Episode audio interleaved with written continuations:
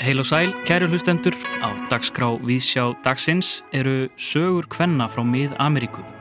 Frum efnin fjögur, framúrskarandi vinkona. Langt að komnar, sögur kvenna frá mið-Ameríku er safnverka eftir konur frá mið-Ameríku sem að háskólaútgafan gaf nýverð út. Í bókin er að finna safn þýðinga á örsögum, smásögum og reynslusögum kvenna, verk sem að veita einsinn í líf og aðstæður kvenna í heimsluta sem okkur flestum allavega hérlandi, fjarlægur og framandi. Sögurnar eru fjölbreyttar að formi en hverfast margar um samskipti og árakstra á milli kynja, stjætta, þjóðfélagsópa og trúarhópa. Holmfríður Garðarsdóttir er meðal þryggja þýðenda að verkinu og er reittstýrið því jafnframt og hún verður gestur okkar hér á eftir. Við hugum líka tónleikum sem síndir verða í sjónvarpunni í kvöld að loknum tíu fréttum. En þar verður leikin upptaka af tónleikum Frelsissveitar Ísland sem framfór á Jazzhátti Reykjavíkur árið 2020. Þar flutti tíumanna Frelsissveitin tónverkið Frumöfnin fjögur, loft, jörð, vatn og eld eftir Haug Gröndal.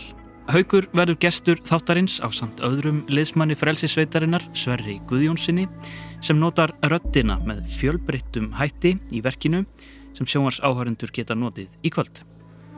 Og um helgina var framúrskarandi vinkona frumsýnd á stórasviðinu í þjóðleikúsinu en leikverkið er byggt á hinnum geysi vinsælu Napoli-sögum Elenu Ferrante. Við heyrum hvað leikúsurinn okkar, Efu Halldóru Guðmundsdóttur, fannst um uppsetningu söður-afríska leikstjórans Jael Farber á framúrskarandi vinkonu. En við byrjum á tónlist.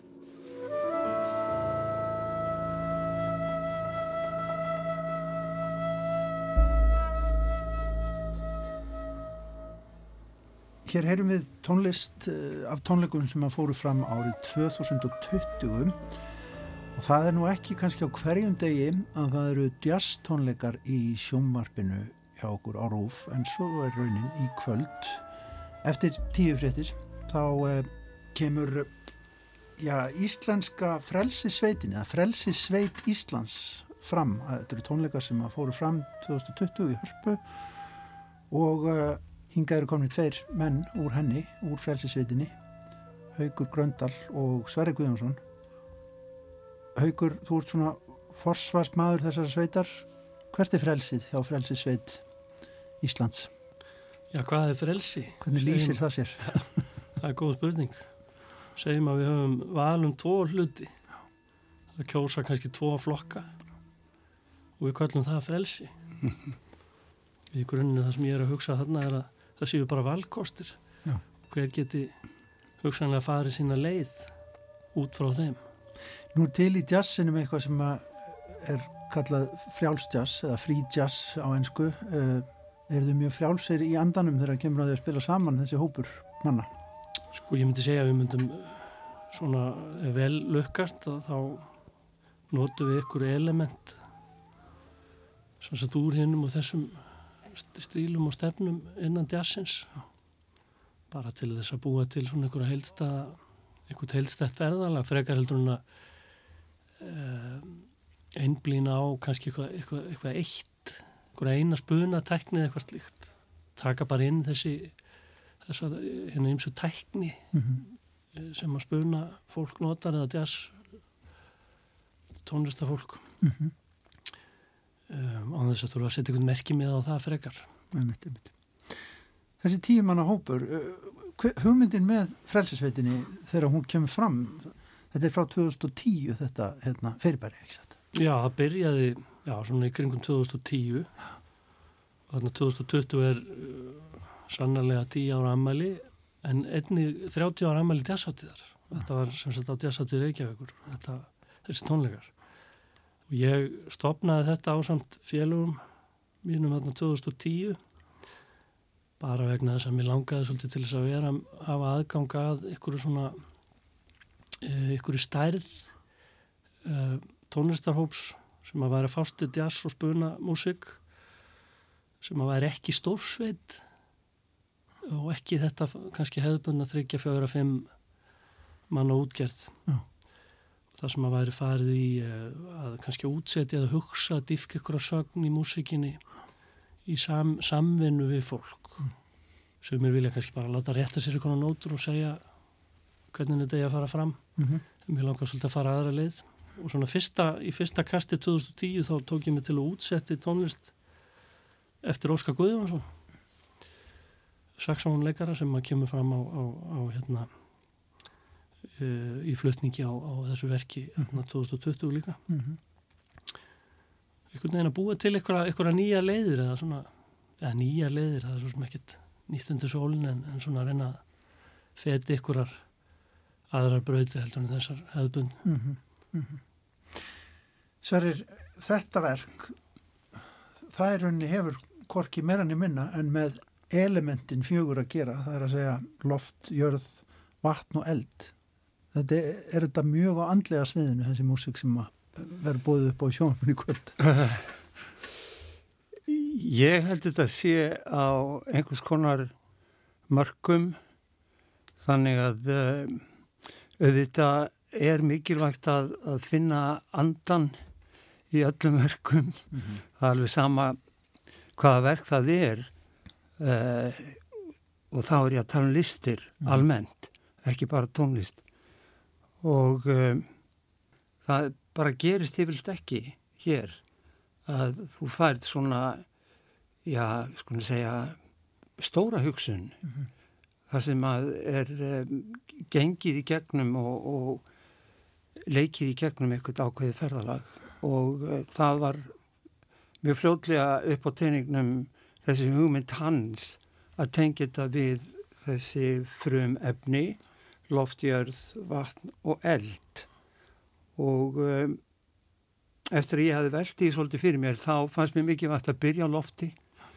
Af því að uh, í þessu verkið þá uh, er ég að flytja uh, ákveðinlega texta eftir haug á mörgum hvers kabla og ákveðin svona rattgjörningur uh, þar sem ég vinn með uh, mismunandi rattljóð og möguleika rattarinnar þannig að ég er ekki að, að spinna einhvers konar djaspuna inn í þetta verk. Mm. og það svona tók svolítið tíma fyrir mig að finna einhverja leið inn í verkið og það er mikið vekt fyrir mína hugsun að vinna með formið mm -hmm. þannig að ég þurfti að setja þetta einhvern veginn upp á blad þetta, þú, þú er með hérna þetta er grunnmyndin já, af verkinu. Þetta eru uh, the four elements eða einn uh, fjögur frumöfni og uh, þá setti ég ljóðið efst og síðan hvernig haugur hafði flettað hvern kabla fyrir sig uh, miðað þau hljóðari sem hann var búin að setja þarna fram já Þetta var gífileg vinna fyrir alla Já. og ekki síst fyrir haug. Ég held að það hefði verið að vinna þetta verk á mörgum, mörgum mánuðum, er það ekki? Jú, ég held, já. Þetta var svona uh, 7-8 mánuðir já.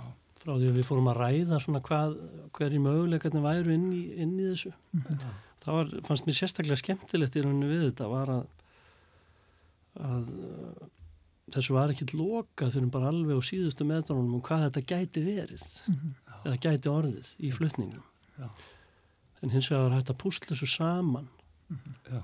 og stilla opnu köflunum upp bara mjög frjálslega mm -hmm. Segð mér aðeins frá þessum ljóðum hérna, sko, hvernig kvikna þau í, í þínum kolli? Já, það er það er erfitt að segja sko ég hef svolítið gaman af, af hlaupum og göngutúrum. Mm. ja, á þessu sem sagt frá januar til sennilega júli ágúst 2020 þá er ég svona upphugsað þetta á hennum ímsu gönguferðum hér um, um, um borgina. Og uh, ofta sýsti mín, hún Ragnarður Gröndal með mér í för. Mm og fljótlega komast við að því að þetta er að vera undir forniðislægi þessi teksti eins og maður gerir já. og það var eiginlega hennar hugmynd. En mér fannst gott að vinna tekstan vegna þess að hann einhvern veginn skerpti síðan uh, hugsununa með hvernig músikin ætti að vera. Uh, en mér langaði til þess að láta ljóðin líka bera í sér eitthvað slags svona sen möndru óræðinni eitthvað neginn Voru það einhver áhrif frá Sverri? Klárlega. Að vera svona á austrannum nótum? Já, já, já, klárlega sko. Eða eilífum nótum? Já, að það væri sko að setja fram þessi ljóð þannig að það var hægt að skilja þau á ótal vegu sko. og í rauninni lesa þau aftur og baka og áfram við komumst að því. Já. það var ekki, ekki ætlun mín en, en Sverrir benti mér á það eitt skiptið ég var að sína honum held ég fyrst tvö ljóðin ykkur tíman í á vormánuðum þá sann, heyrðu það er að lesa þetta aftur og baka líka og það meikar sens Sverri, lestu fyrir okkur fyrst lo loft hérna. Fyrst áfram og svo aftur og bak, takk.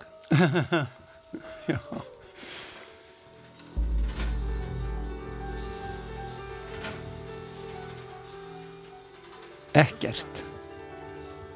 Þó allt. Í andans rými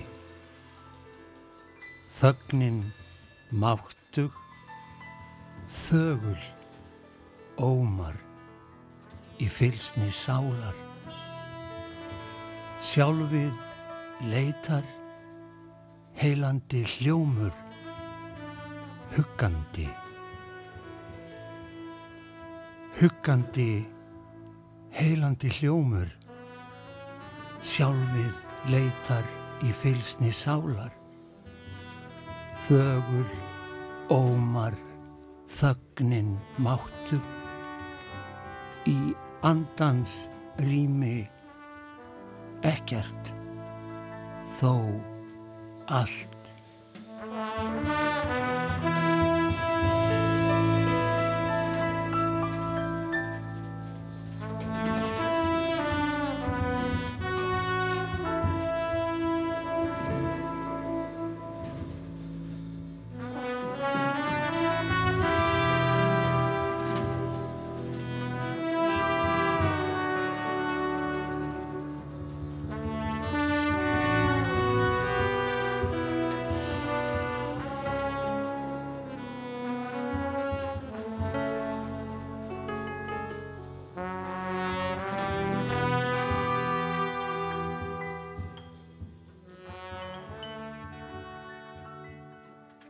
Hver er framtíðin fyrir frelsis sveit Íslands? Er þetta félagskapur sem að heldur seljufundi, þetta er eitthvað svo stort nafn að maður heldur, Já, heldur algjörðu þetta- skærlega hópur Einmitt. Sko, jú, við erum alltaf að hittast um, þeir sem eru svona tengdir þessum hópi. Við höfum á dagskráinina hljóðurita núna tvö verk. Það hefur staðið til í rauninni síðan 2021 en það er í rauninni strandarsóldið á mér. Ég, ég var stundum með rauðum með að koma mér svona einhvern veginn af stað, semst að loka hlut, sko. Þannig að En hins vegar, um, Þetta er fleiri göngutúra já, það hefur verið svo vont færi núna Ég veit það, ég veit það Um, Það kemur já, já, en það er sko, já, jazzáttiðin núna í, í haust, eða sem sagt í ágúst held ég, allum síðu 13. til 19. ágúst núna þessu sinni, um, þá er ég að vona að mér gangi að setja upp tónleika með finskum píanista sem heitir Kari Íkonin, kunningi minn, og frelsisveitinni sem sagt og uh, við munum spinna eitthvað við það konsept. Ég eftir að ræða við Kari, hann vill helst ekki láta segja sér til þannig að við þurfum einhvern veginn að finna eitthvað svona leið hægt og rólega. Mikið upp Já. Já. Og þar verða kannski ykk- ykkur verkflutt. Ég er líka svolítið áhuga maður um það að púsla hlutum upp á nýtt saman. Eða endur útseti eitthvað. Eða já, kannski ég hann leifi mér, hann Kari að, að útseti eitthvað eftir sig. Ætla að við sjáum hvernig það þróast. En frelsið, það verður að sækja í átt að því? Að sjálfsögðu. Já. það er, já líka bara upplýsa og minna sjálfan sig á að skilja alla þá valkosti sem er í bóði Mm. þannig að maður hafi raunverulegt frelsi til þess að velja um eitthvað En það er svo sérkennlegt með þetta frelsi að eh, það er mikið talað um þetta að eh, við viljum hafa ákveði frelsi til þess að gera það sem okkur sínist en auðvitað er þetta alltaf spurningum tillitsemi mm -hmm. líka gagvar sínu umhverfi og sínum náunga. Og í, í þessari tónlist þá byggir frelsið á hlustun. Og það verður að vera þannig hlustun að það er tekið tillit til þeirra sem að eru að uh, fara í gegnum þetta ferðalag á sama tíma.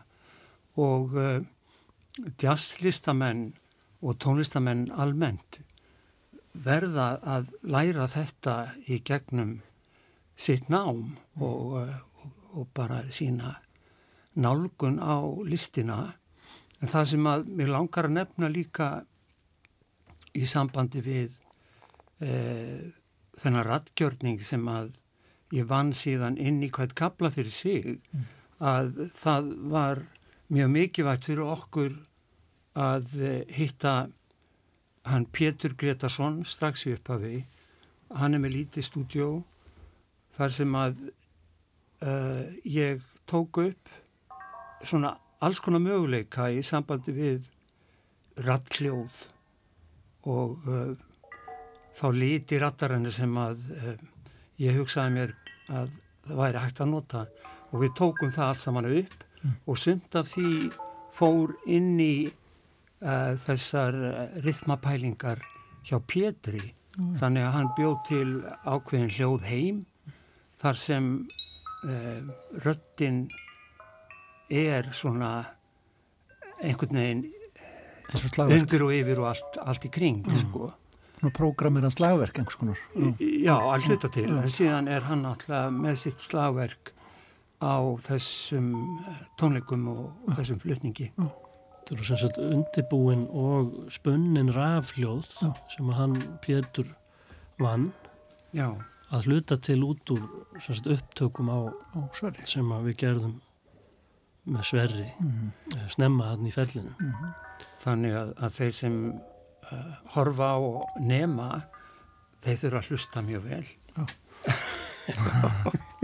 Það er mjög mikið vegt En sem sagt uh, Frelsis Sveit Íslands tónleikar, sjónvars tónleikar uh, fluttir í sjónvarpni í kvöld eftir tíu frettir, bara um að gera hækka vel í græjum með ekki? Ekki spurning. Mm. ekki spurning. Takk kærlega fyrir komuna í Víðsjó Sverri Guðjónsson og Haugur Gröndal. Takk fyrir. Klíður lækjar kyrlátur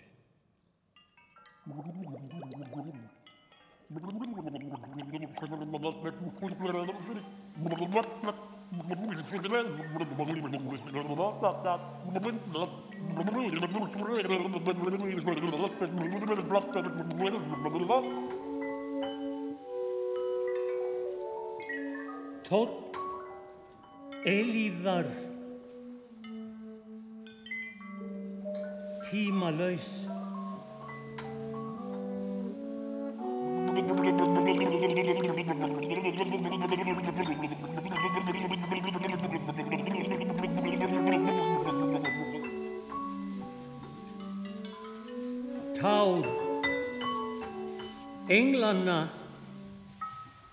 óþrjótandi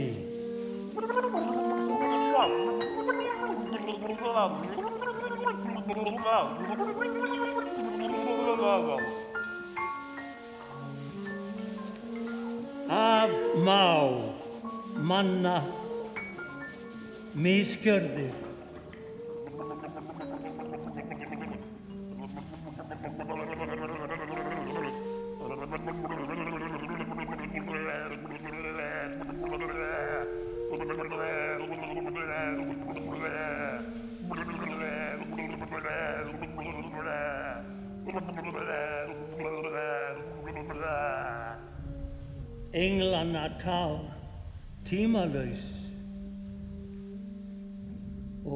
og óþrótandi afmá manna miskjörðir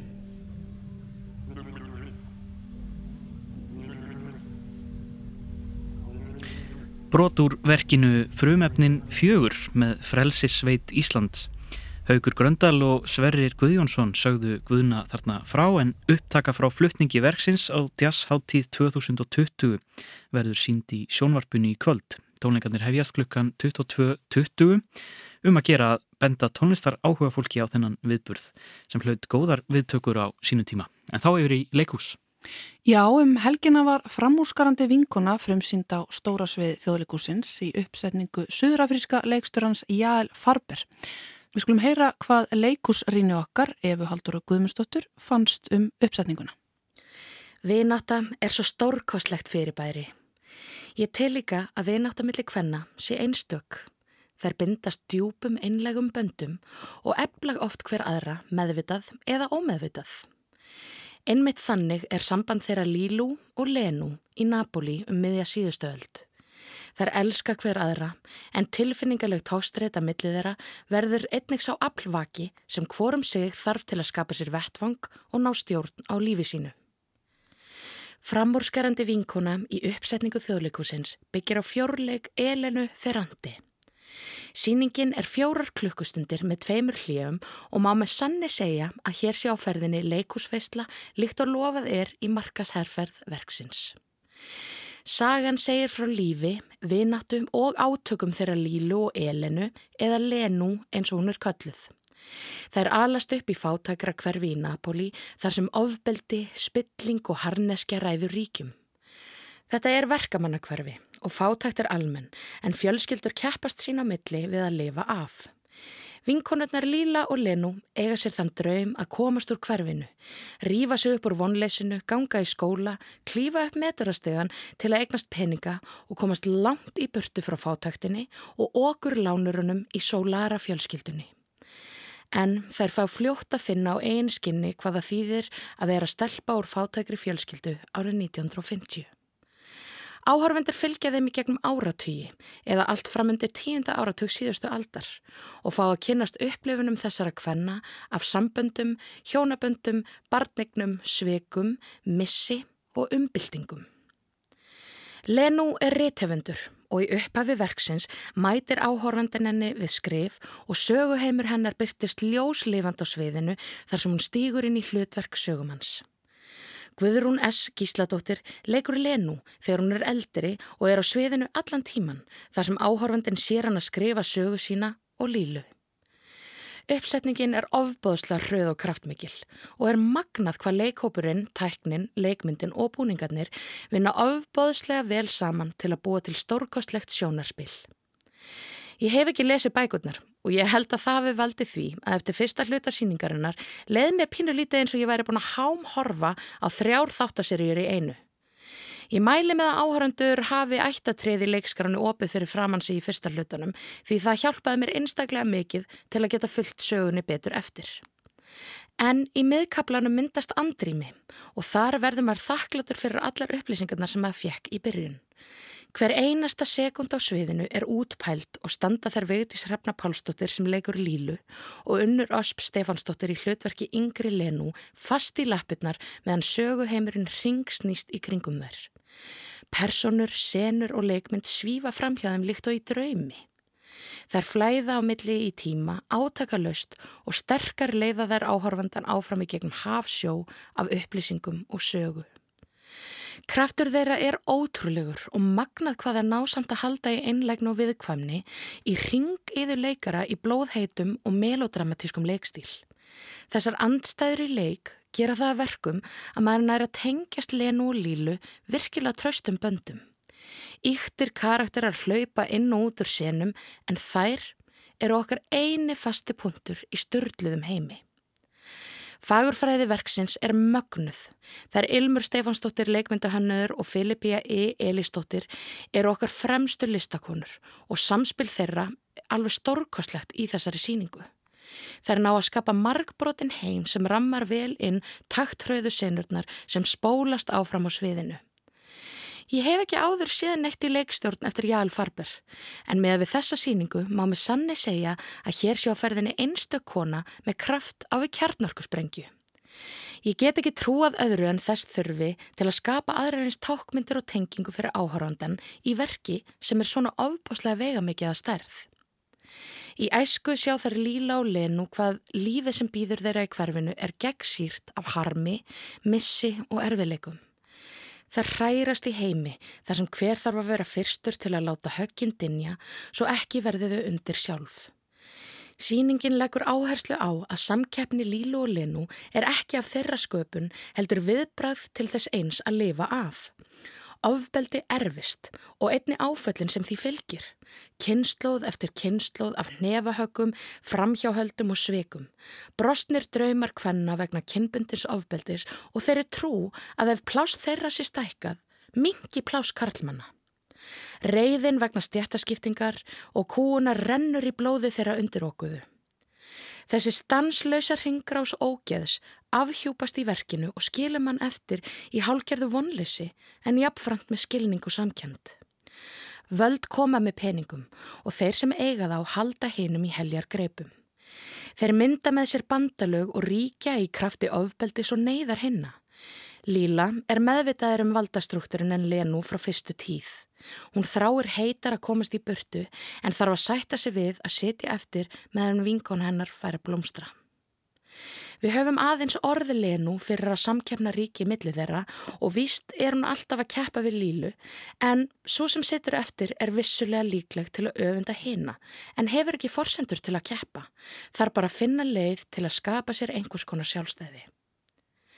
Framórskarandi vinkona er manneskjölu síning og tógar okkur fast niður á jörðina. Hún sínir okkur að þrátt fyrir allar Instagram tilvittnanirnar um að halda í jákvæðni. Baráttur á samfélagsmiðlum fyrir sjálfsögðum mannréttindum og just do it fyrru kapitalismans um að allir hafi sömu tækifæri að þá eru valdhafarnir ekki búin að gefa eftir. Reynsla þeirra Lílu og Lenu er reynsla þeirra sem hafa ekki völd. Við búum ennþá í heimi þar sem maður trilltur af valdasíki og stjórnsemi hefur tækin og tólin til að ráðast inn í land og svifta borgara þess öllum mannréttundum og myrða börn og konur.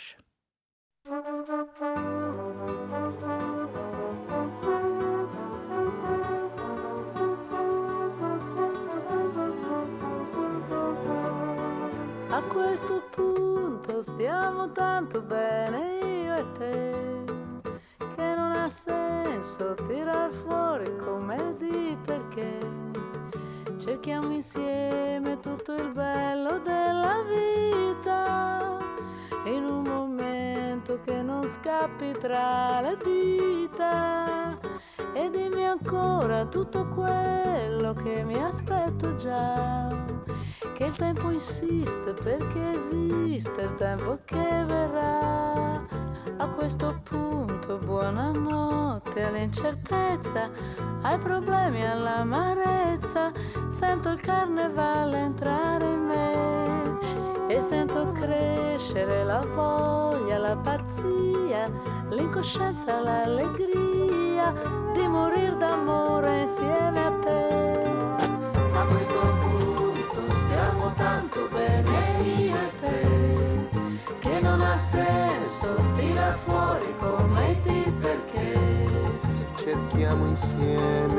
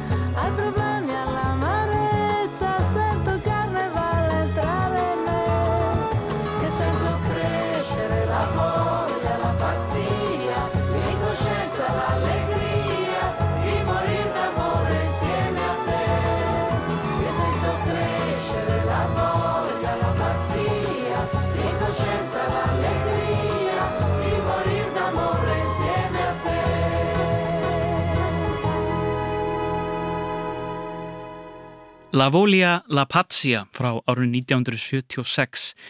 Ítalska söngkonan Ornella Vanoni söng þarna í samstarfi við brasilíska tónlistamannin Vinicius de Moraes. Hér á eftir dómi Efu Haldóru Gummistóttur á framúrskarandi vinkonu sem frumsýnt var í þjóðleikúsinu um liðina helgi. Og úr ítölsk-brasilískum bossa nova tónum ætlum við yfir til mið-Ameríku. Já, langt að komnar sögur kvenna frá Mið-Ameríku er sapnverka eftir konur frá þessum heimsluta sem að háskóla útgafan gaf nýverð út. Í bókin er að finna sapþýðing á örsugum, smásugum og reynslusugum kvenna, verk sem að veita einsinn í líf og aðstæður í heimsluta sem er okkur flestum hérlandi fjarlægur. Hólmfríður Garastóttir er meðal þryggja þýðanda að verkinu og hún rýtstir því afframt og hún leit hérna við í morgun. Ég byrja á því að spyrja Hólmfríð út í tilurð bókarinnar. Bókin er auðvitað eins og alla góða bækur búin að vera óskaplega lengi í vinslu og uh, bæði um, er þetta svona hugmynd sem kviknaði eiginlega hægt og rólega. Um, ég hef, var búin að einsetta mér það fyrir mörgum árum. Ég ætlaði ekki að byrja því það finn ég færi á eftirlaun. En svo gati ég ekki á mig setið og uh, ég hef verið að kenna kurs í þýðingum í Spænsku deilt Háskóli Íslands og svo leiðis að á sömrind unda ég við það að þýða og undibí einhvern veginn námskeiði sem er svo missir það eftir eða á næsta skóla ári. Svo leiðis að þetta byrjaði svona að sapnast fyrir og sapnast upp og, og svo kemur alltaf að þessu aftur og aftur. En svo e, þegar að hugmyndin var einhvern veginn fætt að gera úr þessu bók og einhvern veginn standa við þá áskorun að íslensku lesendur, íslenskir lesendur hafi aðgangað ólíku efni af því það er mikið þýtt á Íslandi og sem er algjörlega aðdánavert og það er, finnst mér mikilvægt að það komur ólíkum áttum og hérðan og þaðan af því það opnar einhvern veginn insýn í bæði hvernig er skrifað hvernig er farið með tungumál? Hvað er verið að leggja áherslu á? En svo líka bara þennan reynsluhægum og, og bakgrunn sem að sögurnar sprett úr. Og þannig einhvern veginn uh, svona smá saman fættist á þetta mynd eða komst á þetta mynd. Og, uh, og síð, endarlega eintakið er þannig að við röðum þessu sko eftir bara landafræðinni. Fyrstu tekstarnir eru fyrst er frá Guatemala sem er nýst í, af þessum mið-Ameríkuríkjum sem allt eru álitin smáríki og sem flestir vita lítið um. Þá var ég með Ameríku búið sko 30 miljónir manna í þessum löndum öllum og það er ákaflega blómlegt menning á listalíf og bókmyndalíf og verið alla bara síðan um 19. öld mjög mikið um að vera svo lesa það er ekkit sko var aldeilis ekki auðvelt að velja Nei, ég trúi því. Gaman að segja aldeilis blómlegt lista á menningarlíf. Ég tóka mitt eftir því bara í ingangi bókarinnar þá nefniði að, að þessar sögur sem þið velja, smá sögurnar allavega, þær hafa einhverjar byrst, byrtast, eða höfundar byrta mikið til í tímaritum og dagblöðum sögur. Þetta er eitthvað sem við erum ekki mikið að gera hér. Nei, en þarna er sko smásagan hefur verið mjög öflug, alla 20 stöld og bæði auðvitað þurfa að hafa í huga að útgáfa bókum með kostnæsum og þetta er allt fátæk lönd, misfátæk.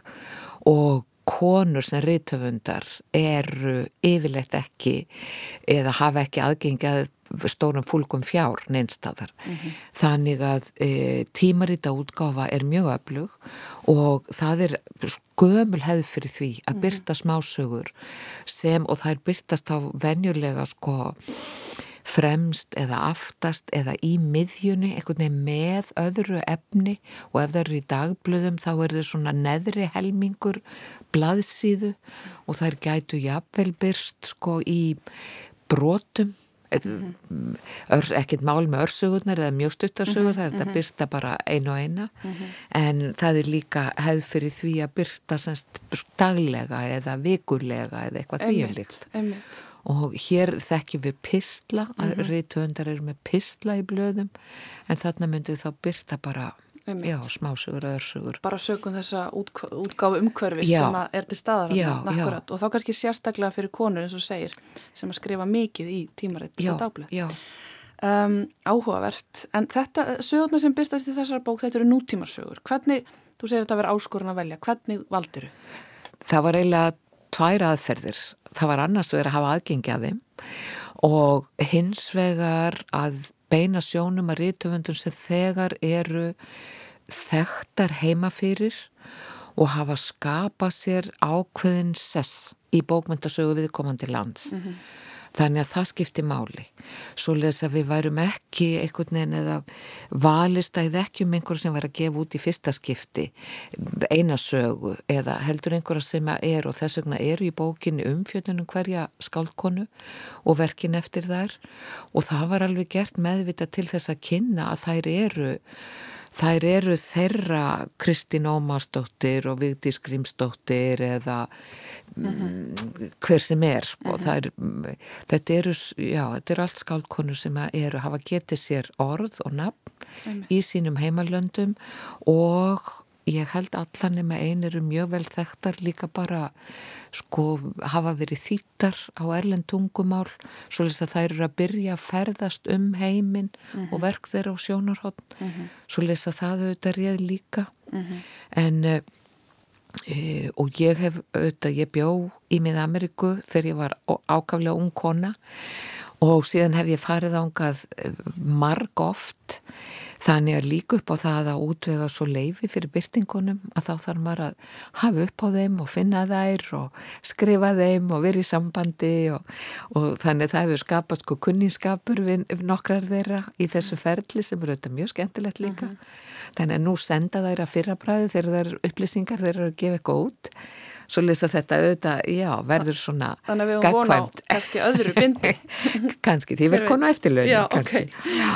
En svona, ef við tölum að þessu smásögurnar, eh, hvað, eh, hvað brennur á sem höfundum? Þær eru, og það er eiginlega fer yfir alla álfuna, það er þeirra einn reynslu heimur. Þær eru mjög að fjalla um lífkvenna í hverstaslegu umhverfi en í öllum þessum sögum er einhver ígrundun á umhverfi sitt.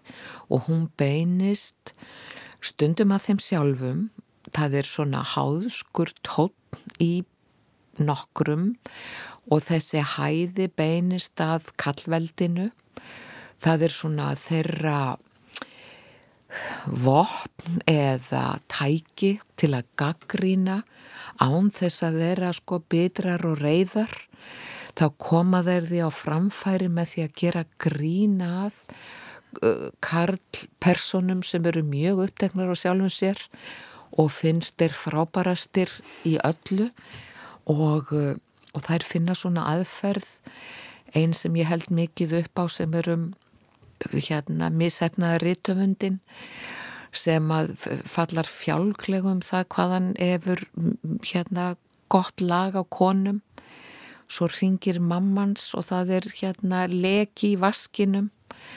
Og hann er að býða eftir eh, einni nýju ástkonunni sinni en leið og mamma ringi þá auðvitað hlaupar hann á stað og slaufar öllu og gerir það eh, svona nýpinn og ekki af mikil í reist Mér hefur líka hugsað til sögunar um gítarleikaran í þessu samviki Já, nákvæmlega sem er svona kongur á sínu sviði mm -hmm. og en er samt algjörlega upp á það komin að, að konur séu hans aðdáendur mm -hmm. þó að eigin konan sé ekki ja, hrifin af því hvernig hann hvernig hann notar gítarin sem sitt svona tælingartól. Mm -hmm. Þannig að þær eru annars verið að beina sjónum að því eins og alltaf eins og sögurnar eftir eh, Escúður frá El Salvador.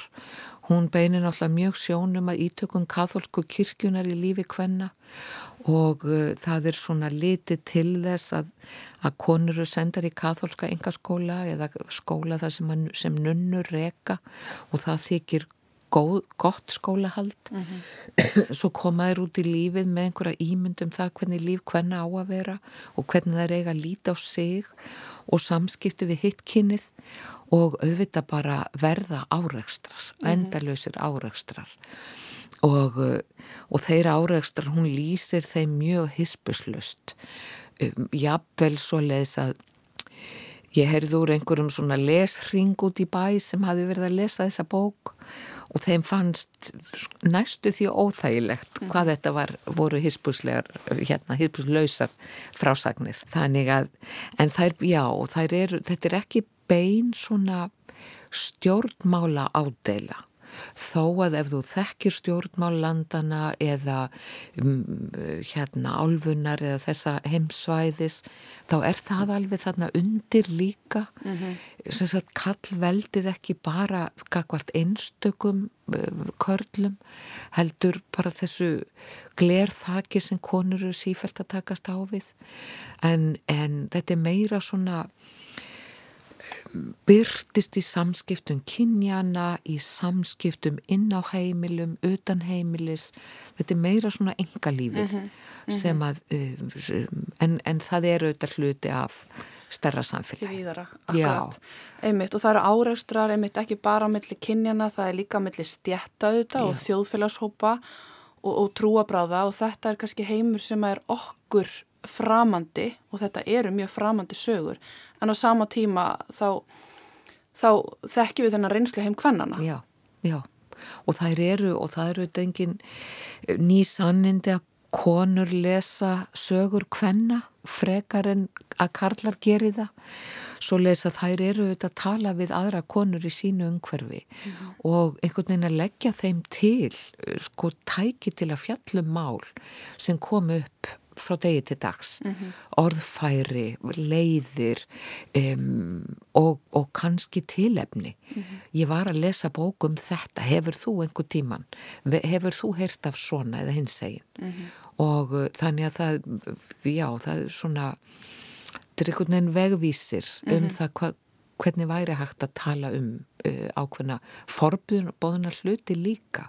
Það er aðna ákaflega uh, saga sem að er svona ákallandi um hvítan mann sem að stopna til sambands við indjánastúlku, fer með hana svo inn í sinn hvíta heim og vanshælt hennar í þessu umhverfi.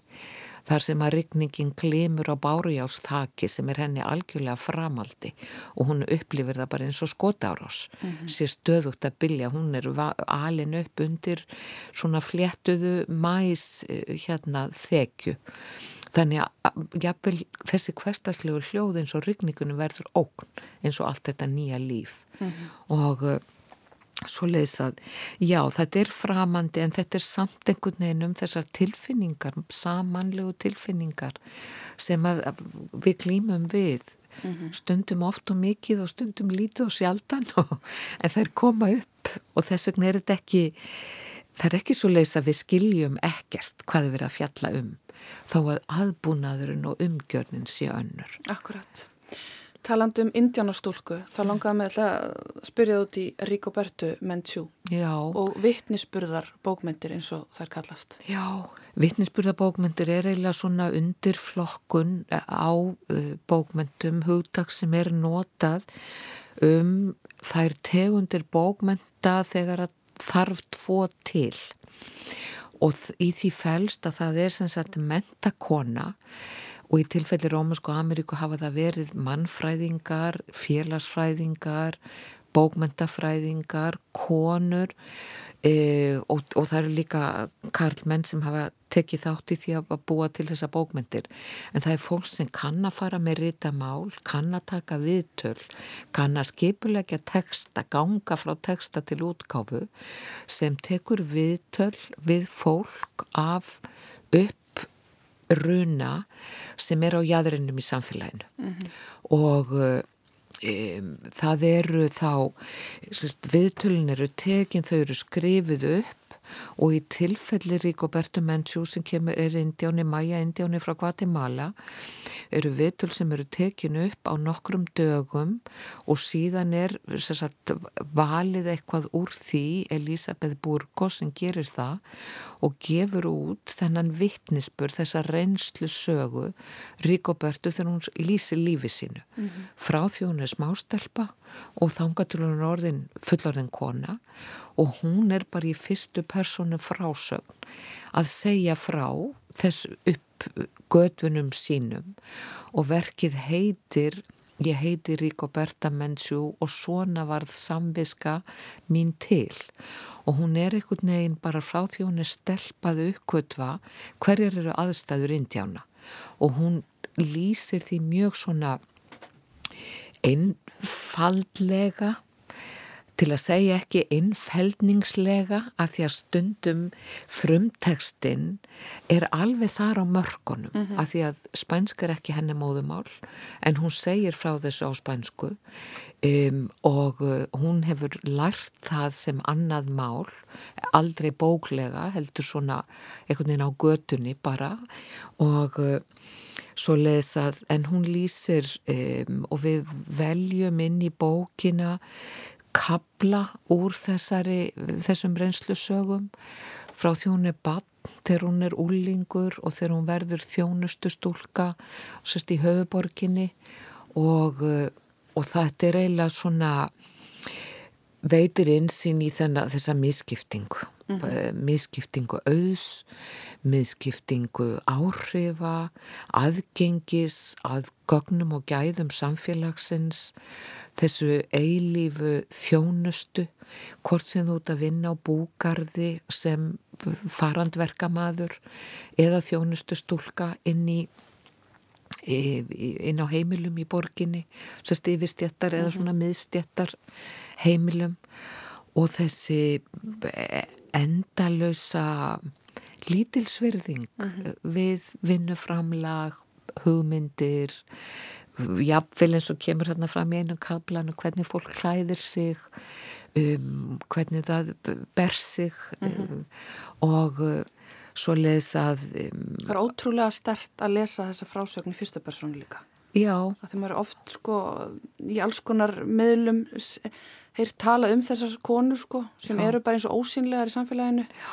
en að lesa þessa þennan texta er rosalega stert Já og það er náttúrulega bara uh, það er önnum mjög frægsaga sem er enda frá Bólivíu sem er kona úr samfélagi námu hérna námu verka fólks Um, tjungara er svo konakölluð og það er sama, hún er líka svona því það er líka bara við veitum að það er misskipting mm -hmm. og við veitum um valdamissvægi og með, með sko rökhugsuninni að þá þekkjum við þetta en með þessari frásagna þá fáum við insýn í hvernig upplifunin er mm -hmm. að vera sífælt í þessari, þessum aðstæðum mm -hmm og það er vantilega það sem er svona stert og áhrifaríkt. En það var líka áskorun að þýða þetta. Til þess að þetta er ekki sko á íslensku barnalegt um, þessi frásögn. Af því að bæði málfarið orðfærið og þessi upplifun að mhm. vera Um, og, uh, þetta er, þetta er, og þetta er fyrsta verkið, fyrsti tekstin í bókinni. Og í kjölfarið fylgir uh, samskonar teksti sem er byggður einnig á svona viðtölum við bændakonu í Honduras.